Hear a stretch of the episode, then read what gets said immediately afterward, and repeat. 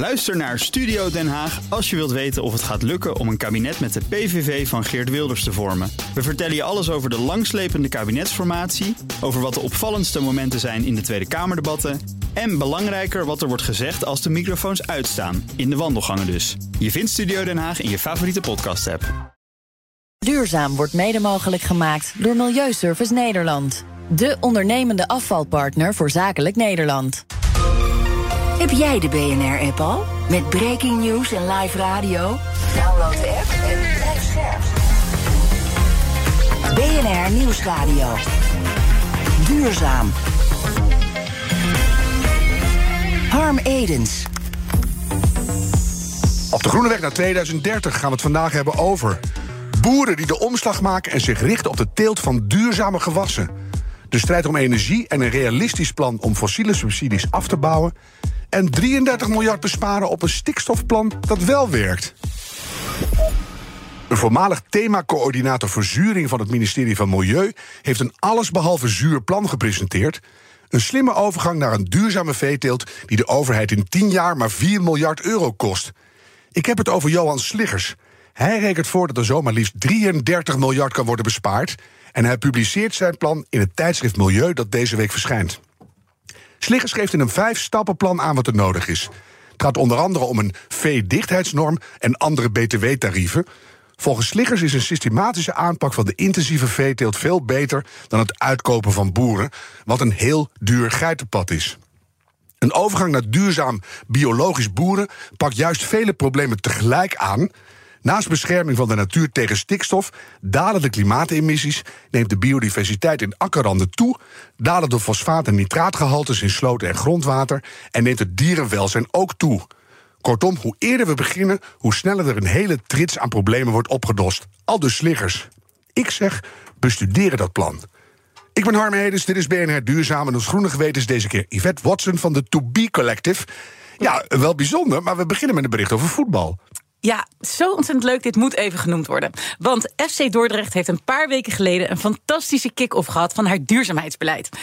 De eerste klimaatneutrale voetbalwedstrijd. Hmm. Stel je eens voor, in de rust een vegan frikandel, herbruikbare drinkbekers en zelfs de politie kwam op de fiets. Ja, dus de CO2-uitstoot van deze club schommelt zo rond de 340 ton. En FC Dordrecht wil in 2030 volledig klimaatneutraal zijn. Dus echt een best wel stevige ambitie ook nog. Ja, En het allerleukste vind ik hiervan is dat dit, wat mij betreft, niet alleen maar om hun eigen doelstellingen gaat, maar zij zijn ook echt bezig met het verschuiven van die sociale norm. Want er zijn namelijk 34 profvoetbalclubs in Nederland. En daarvan geven 20 clubs al van aan dat ze een duurzaamheidsbeleid hebben of dit ontwikkelen. En eh, het is natuurlijk fantastisch dat die sportclubs zelf bezig zijn met verduurzamen. Maar het is nog veel vetter dat zij ook deze verandering aangrijpen om hun trouwe leden mee te nemen in deze beweging. ja, dat je niet alleen het duurzame shirt van je club draagt... maar ook het gedrag een beetje mee overneemt. Hè? Ja, exact. Mooi. Jij wilde ook aandacht voor een landelijk transitieprogramma Building Balance. Waar gaat dat over? Ja, het is een beetje de dag van het positieve nieuws. Want ehm, ja, je noemde het al even, de overgang naar duurzame biologische boeren. Eh, maar er is nog een andere veelbelovende oplossing... voor het terugdringen van de zogenaamde veedichtheidsnorm. Ja. Namelijk de building balance. En eh, dat is eh, dat veeteeltboeren de omslag maken... naar het verbouwen van gewassen als bouwmateriaal. Dus moet je even voorstellen, een stuk land met een bord waarop staat... hier groeien huizen. Ja, moeten we aan wennen, hè? maar dat kan echt. We kennen al de nodige voorbeelden. Olifantsgras bijvoorbeeld, daar kan je bi- bioplastics mee maken... en ook beton organischer mee krijgen. En weet jij ook welke positieve impact die boeren daarmee maken? Ja, ontzettend veel. Je kan denken aan de vruchtbaarheid van de bodem, water, biodiversiteit. Eigenlijk ook veel meer perspectief voor boeren. Want daar waar ze nu in het verkeerde spectrum zitten, of zo lijkt het, ga- weet je, gaan ze nu positiviteit eh, aanbieden. Ja, en dat we maar één grond hebben. En die kunnen we dan op, op die manier veel beter gebruiken voor ons allemaal. Ja, precies. En te zorgen dat die hele pauwsector een veel armere CO2-footprint heeft. Dus Ja. dat is fantastisch. En dan maar niet te spreken over het woongenot. Oh ja, is dat ook hoger? Ja? Heb je geen houten huisarm. Nee, nog niet. Dus ja, dit is enorme inspiratie. En ik raad iedereen aan om eens een kijkje te nemen op buildingbalance.eu. BNR Duurzaam. Stop met het uitdelen van fossiele subsidies, roepen de klimaatactivisten van Extinction Rebellion. En tegen bedrijven zeggen ze: ga niet meer op zoek naar nieuwe olievelden. Maar de vraag is: kan dat eigenlijk wel? In ieder geval niet nu en ook niet van de ene op de andere dag, zegt Roy Op het Veld. Hij is auteur van het boek De strijd om energie en tevens oud FD-collega. Fijn dat je er bent, Roy. Als jij dan kijkt naar die betogingen van Extinction Rebellion uh, als uh, energiedeskundige, mm -hmm. gaat er iets opleveren, denk je? Het doel steun ik heel erg, hè, want we moeten zo snel mogelijk de slag maken. -hmm. Maar ja, ik vind de verwachtingen en de eisen die ze stellen, dat ja, daar vind ik wel iets van. Ja, dat, ja. dat, dat, dat anders zouden we je niet uitgaan. Dan gaan we ook vragen aan je. Het zou wel kunnen zeggen dat ze het probleem uh, duidelijk op de kaart zetten. En er gebeuren dingen waar de gewone burger geen weet van het heeft. Het zorgt voor urgentie. Ja, dat ja. is goed. Nou pleiten zij ervoor om te stoppen met het subsidiëren van fossiele brandstoffen. Dat gaat over een web van belastingvrijstellingen die de overheid heeft opgetuigd. Hm. Waarom zijn die er eigenlijk? Die zijn er om um, dat we ooit um, de industrie en de chemie naar Nederland wilden halen. Mm -hmm. En dan heb je goedkope energie nodig. Dus uh, ga je dat fiscaal uh, aantrekkelijk maken. Vestigingsklimaat eigenlijk. Ja. Nou, uh, hoor je alsmaar bedragen. De Nederlandse overheid die heeft er 17 miljard ingepropt, zegt Extinction Rebellion. En die overheid zegt zelf van het is maar 4,5 miljard. Ja. Waar ligt het zo'n beetje? Nou, het zal wel ergens tussenin liggen, denk ik dan. Ja, dat zijn niet subsidies dat de staat geld overmaakt naar, um, naar, naar chemiebedrijven of zo. Uh, van hier uh, verstookt nog lekker een paar honderd miljoen kuub gas. Mm -hmm. um, dat zijn fiscale vrijstellingen of minder, hè, lage belastingschijven, dat soort dingen. Dus naarmate de prijs fluctueert, gaat het bedrag ook op en neer? Ja, naarmate energie duurder is, des te hoger uh, is die subsidie dan. Ja. Um, dus dat is een beetje een, een, nou, een vreemd effect misschien, maar goed, het is wel zo. De eis van de actievoerders is nu: stop daar vandaag nog mee. Kan dat zomaar? En wat zouden dan de gevolgen zijn? Ja, dat kan. Um, de vraag is: wat levert het dan op? Hè? Um, Kijk, die drang naar uh, radicaal en snel en nu, eh, dat wordt gevoed door die urgentie. Dat is natuurlijk begrijpelijk en ook goed. Maar als je nu het afschaft, dan levert het eigenlijk niks op. Want dan, gaan we, uh, dan wordt hier de productie eigenlijk te duur. Mm -hmm. Dat betekent dan dat bedrijven ermee gaan stoppen. Meteen één op één te duur, klaar. Want ja, je ziet, je ziet dat Aldel, hè, dat soort bedrijven, die zijn gewoon gestopt. Of die gaan failliet, of het is te duur. En, en dat zijn vaak producten die gaan. Dat is een wereldmarkt. Hè. Mm. Zeker als je het hebt over basischemie of dat soort dingen. Hè. Dat, zijn, ja, dat kun je ook. Daar kun je ook in Egypte of in, uh, in Amerika Vietnam kopen. of wherever. Ja, ja, dus we zijn nu kunstmest gaan importeren. omdat het zelf te duur is om het hier te maken vorig ja. jaar. Ja. Nou, dan krijg je dat soort dingen. Um, en dat betekent dus dat je het gaat importeren. Maar we gaan niet stoppen meteen met die producten gebruiken. Nee, dus dan zo één op één is het nog niet. Hè? Dat zou mooi zijn. Van we stoppen ermee, dan stoppen we ook. Dan is het een totaal ander verhaal. Ja. Want ja, ik sprak laatst de directeur van BP in Nederland. Die zegt van ja, uh, een hele discussie over. zijn wij als oliemaatschappij verantwoordelijk voor de emissies van onze klanten? Zeg van ja, zij zei deels. Um, ja, en dan zeiden ze dat is wel iets. Nou, er is wel iets, maar ze stelden de goede vraag erachteraan. Uh, ik wil best morgen stoppen met benzine verkopen. Maar stop jij dan ook morgen met tanken? Mm -hmm. Dan van ja, ik ging toevallig die dag erna naar Limburg, nou, waar mijn ouders wonen. Nou, ik wil wel nog, en ik heb nog een benzineauto, moet ik hier uh, toegeven. Ja. Ik wil wel nog naar uh, mijn ouders kunnen rijden. Die Ja, wonen in Limburg. Ja, en, en dan ga je al. De- dus dan moet het op den, op den duur, op de termijn. Maar eh, wat voor fases zijn dan denkbaar? Eh, Stel, we faseren het uit. Wanneer zou het weg kunnen zijn? Nou, je, ik zou het, je moet het in Europees verband, denk ik, doen. En wat daar denk ik heel belangrijk is, dat we die carbon tax, die uh, CO2-belasting aan de Europese grens gaan heffen. Want dan heb je dat weglek-effect niet meer. Ja. En dan geef je de industrie wel echt de gelegenheid om uh, te verduurzamen en een level playing field te hebben met andere producenten in de wereld. En is dat ook al uitgelegd aan die, aan die Extinction Rebellion eh, activisten? Want dit- dit is een heel helder verhaal. Dan zou je zeggen, nou, dat snappen we ook. Urgentie is gezet, we gaan het versterkt uitfaseren... maar sneller kan het niet. Um, ja, ik heb af en toe wel gesprekken met, uh, met klimaatactivisten. Begrijpen ze je dan of uh, worden ze alleen maar bozer? Ja, uh, uh, allebei volgens mij. Ja, ja. nou ja, dat is, dat is ook goed. Ik snap. Yvette, ik kijk even naar jou, want jij hebt ook, uh, ik ook trouwens wel eens gedemonstreerd in het verleden. Uh, uh, ben jij ook op de A12 te vinden en hoe luister jij je naar? Nou, ja, vroeger was ik zeer activistisch. Ik heb dat al een hele tijd geleden losgelaten, omdat ik nu heel graag meer aan de positief activerende kant sta. Echt aan het werk met die nieuwe oplossingen waar wij mee moeten experimenteren. En natuurlijk snap ik dat de weg naar fossielvrij ingewikkelder is dan de wens daartoe.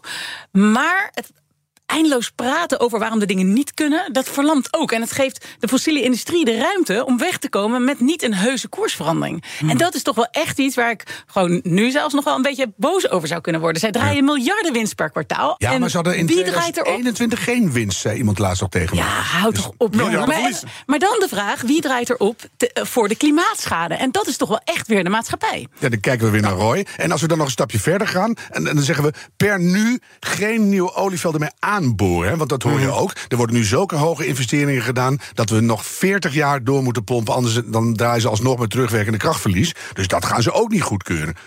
Nou, volgens mij, als je nu wereldwijd kijkt, wordt er meer geïnvesteerd in, du- in duurzaam dan in fossiel. Dat is waar. Ehm, olie- en gasproductie, eh, als je daar nu mee stopt, dan kun je dat vergelijken met je prikt een ballonlek. Mhm. Als je een ballonlek prikt, dan komt er in de eerste seconde heel veel lucht uit. En de laatste seconde minder. Ja. Hè, dat neemt af. Ja. Zo werkt het met olie- en gasproductie ook. Als je stopt met investeren, dan heb je hetzelfde effect als met die ballon. Dat wordt ieder jaar 5% minder.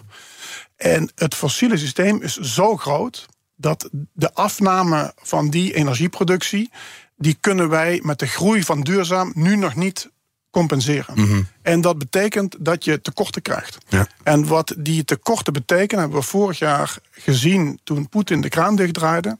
Dat leidt tot hoge prijzen, dat leidt tot inflatie, dat leidt tot heel veel miljarden compensatie voor bedrijven en voor. eh, Omdat we nog niet echt aan het veranderen zijn. Hè? We, we willen het oude systeem op peil houden. Dus de we groei maar- van duurzaam gaat steeds sneller. Ja. Dus ik, ben het dan, ik vind dat vreemd dat, eh, dat er niks gebeurt. Daar, dat zei ik daar, niet, maar daar we word zijn ik nog- een beetje narig van. We zijn nog niet bereid om echt fundamenteel te veranderen. Dus dan gaan we dat maar op peil houden, subsidies, om die bedrijven aan de gang te houden. En dat, op een gegeven moment is dat natuurlijk ook een spelletje wat uit is. Kijk, wat je tegen mijn betoog in kunt brengen, is kunt zeggen van eh, we hebben een crisis nodig om druk te creëren om zo snel mogelijk die, die transitie, eh, daar, daar zoveel mogelijk vaart in te houden. Daar ben ik het helemaal mee eens. Maar ik vind, hè, want het lange termijn beleid, eh, of excuus, het lange termijn belang van klimaatschade, hè, dat is veel groter dan de korte termijn crisis ja, die je creëert als dat je, dilemma, als je die energie gaat afknijpen. Maar dat betekent niet dat die korttermijnbelangen er niet toe doen. Nee, ik vind, die moet je wel, daar moet je wel aandacht voor hebben. Die moet je wel oplossen.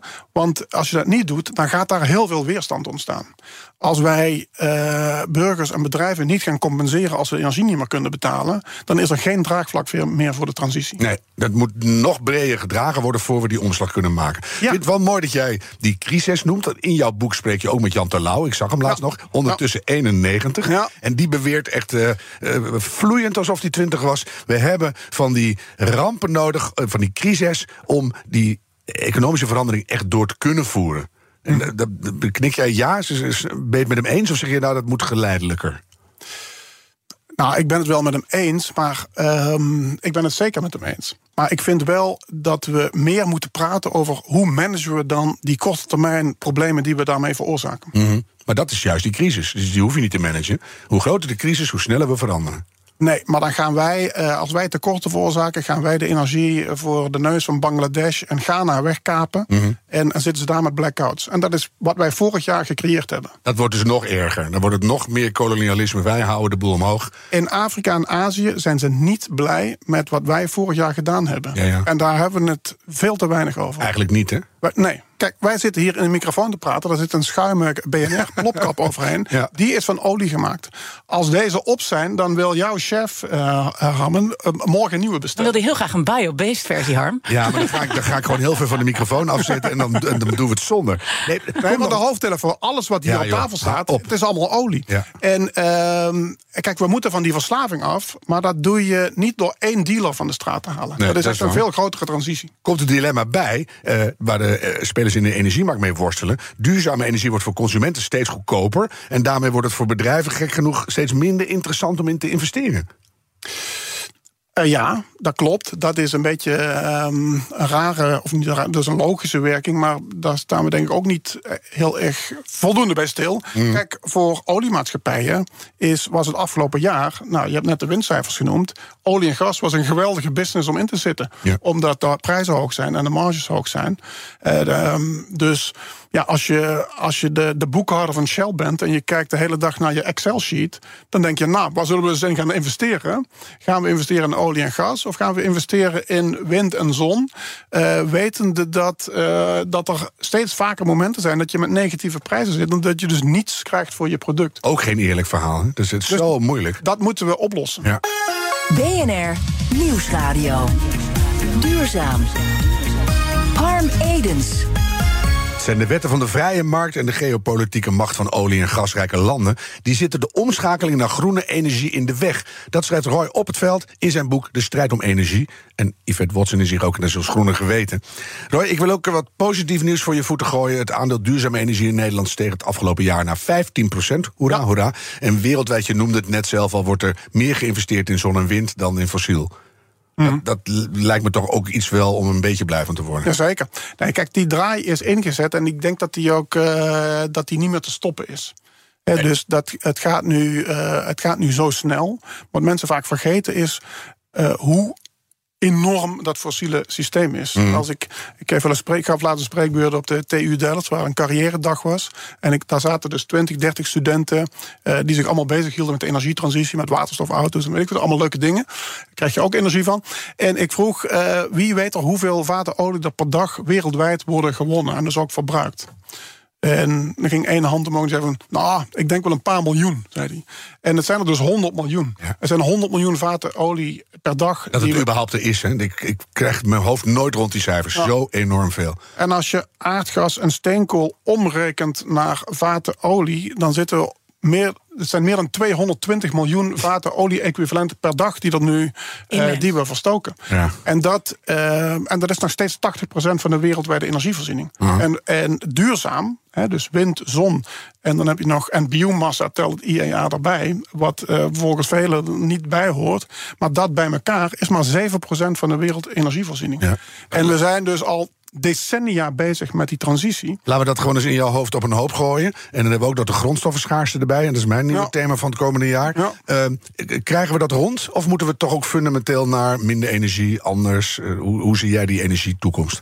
Nou, ik denk, kijk, in Europa, eh, heel Europa en Nederland ook, is de afgelopen tien jaar is het energieverbruik lichtjes aan dalen. Weliswaar minimaal, maar is wel aan dalen. Ja. En wij kijken in geavanceerde economieën als Nederland en Europa ook wel steeds genuanceerder tegen groei aan. Eh allemaal eh, telefoonhoesje van 1 euro uit China. Ehm, ja, laten we daar alsjeblieft mee stoppen op de een of andere manier. Ehm, ho- hoewel, ja, hoe ga je dat afdwingen? Ik weet het niet precies. Nou, maar dat, mag gewoon niet meer. ja, Nou, ook nou, door de gaat- mensen het bewust te maken van wat doet het nou? Ja. ja. precies. Dat, daar, die groei die, ja, die lijkt eraf. nergens. Die mag er van mij af. Ja. Maar als je naar Nigeria of naar India gaat, ja, daar vind ik dat je niet met een degrowth verhaal aan kunt komen. Die mensen, daar, daar zijn honderden miljoenen mensen op de wereld die willen zich uit de armoede ontwikkelen. Wel een postgrow, toch? Dat je Die willen een dezelfde huis. fouten hoeft niet. Nee, dezelfde fout. India is interessant. eh, die zijn, ehm, ik ben even vergeten hoe het heet, maar die proberen een ontwikkelprogramma eh, neer te zetten. Hebben ze op kop in Glasgow aangekondigd. Om eh, ja, zeg maar duurzaam te groeien. Ja. Ehm, en het IEA heeft uitgerekend als iedereen dat op de wereld zou toepassen, dan zou dat alleen al 2 gigaton aan CO2 uitstoten. Dat is eh 5 of 10 procent van de wereldwijde Ja. CO2-emissies. Zou dat, zou dat schelen? En bijbehorend de energiebron ook eh, verduurzamen. Misschien hebben we er nog een kans. Jij schrijft als journalist al jaren over energie. Als jij nou in die boardrooms van al die grote multinationals kijkt, die CEO's, hebben die voldoende besef en urgentie dat het fundamenteel anders moet? Ik denk dat, kijk, daar werken natuurlijk geen domme mensen, dus die eh, hebben dat echt wel door. Ze zijn wel kampioen wegkijken soms. Of uh, aandeelhoudersvalue ja, voorop stellen. ja, ik denk dat die, ze hebben met, uh, ze hebben met aandeelhouders te maken die, um, die ook wat, wat willen hebben. En ze hebben dat, hè, van de week of afgelopen weekend uh, of vorige week dat interview met de nieuwe CEO van Shell in de Volkskrant. Zegt van ja, uh, onze aandeelhouders hebben ook moeten bloeden. We hebben dividend gestopt uh, een tijd geleden. Dat was sinds de oorlog nog nooit voorgekomen. Dus, en ze zijn bang dat hun aandeel ondergewaardeerd wordt ten opzichte van oliemaatschappijen in de Verenigde Staten. Ja. Die zouden wel eens een bod op, op Shell kunnen doen. En die aandeelhouders zeggen, nou, als dat een goed bod is, dan ga maar. Ja. En dan, ja, ja, dan zijn we bij de Amerikanen misschien niet beter af dan, eh, dan bij de Europeanen. Uh, dus dat is één ding waar ze mee te maken hebben. En het andere is, is dat je ja, zo'n bedrijf waar, weet ik veel, 60, 70, 80.000 mensen werken. Uh, die zitten, net als in iedere organisatie, die zitten met koplopers, met een grote middenmoot en met mensen die met de hak in het zand zitten. En ik denk dat zo'n bedrijf is zo groot. Als je daar uh, zo'n zo'n verandering door wil voeren, ja, dat is enorm. Dat is een, dat is een enorme klus. Kom ik maar toch goed, weer dat bij... is allemaal geen excuus om het niet te doen. Nee, kom ik toch bij de beginvraag uit. Uh, wat heb je liever? Een economische ramp op korte termijn of een ecologische op lange? Dat doe maar de economische ramp op korte termijn. Ja, dus toch versneld en dan maar kijken of we het een beetje binnen de boot kunnen houden. En dan uh, nou, gaat het goed. Ja, kijk, ik, ik hou niet op om dan aan te vragen van hoe kunnen we dan wel die korte termijn shit uh, zo goed mogelijk en zo rechtvaardig mogelijk ook uh, verdelen. Dat vind ik ook mooi. Moet ook, er is een hele wereld en die hebben ook ja. recht op dingen. Ja. Roy op het veld, auteur van het boek De Strijd om Energie. Dank voor dit gesprek. Yvette, wat neem jij mee naar vanavond? Nou, ik neem eigenlijk mee dat we eigenlijk nog meer aan de kant van die boardrooms, van die bestuurders, waar ik ook wel veel het gesprek mee voer, mm. ook goed moeten laten zien hoe ze dat dan kunnen borgen in hun organisaties. Hoe ze een kompas kunnen creëren op basis waarvan ze echt keuzes kunnen maken en een koersverandering kunnen realiseren. En ook iedereen betrekken bij dit vraagstuk. Want ze en hebben allemaal en, en eerlijk, hè? super intelligente mensen daar werken. Ja. Come on. En zou het kunnen, Roy, dat dan ook gewoon de aandeelhouders zeggen: wij blijven bij Shell? Want dat is het enige fossiele bedrijf die wel weet hoe die wereld beter moet. Ik zou een tevreden Shell-aandeelhouder zijn als Shell zou zeggen: wij willen er over 20 jaar nog zijn. Kijk. En over 20 jaar kun je in Europa geen benzineauto meer kopen. Elektronen zijn de nieuwe benzine. Ja. Dus ik, ga, ik, ik wil dat Shell inzet op, uh, op windenergie of op, uh, in ieder geval op elektrificatie. ik neem vanavond mee wat Royce zegt. Dankjewel, Yvette Watson van de To Be Collective. Dit was BNR Duurzaam, de groene weg naar 2030. Laten we die met z'n allen nemen en een beetje doorlopen graag. De tijd van treuzelen is voorbij. BNR Duurzaam wordt mede mogelijk gemaakt door Milieuservice Nederland. De ondernemende afvalpartner voor zakelijk Nederland. Ook Liesbeth Staats vind je in de BNR-app. Ja, heel handig. Luister live naar Kees en mij tijdens de Daily Move. Dan blijf je ook gelijk op de hoogte van breaking news en het laatste zakelijke nieuws. En daar vind je ook alle BNR-podcasts, waaronder de Perestrooikast. Download nu de gratis BNR-app en blijf scherp.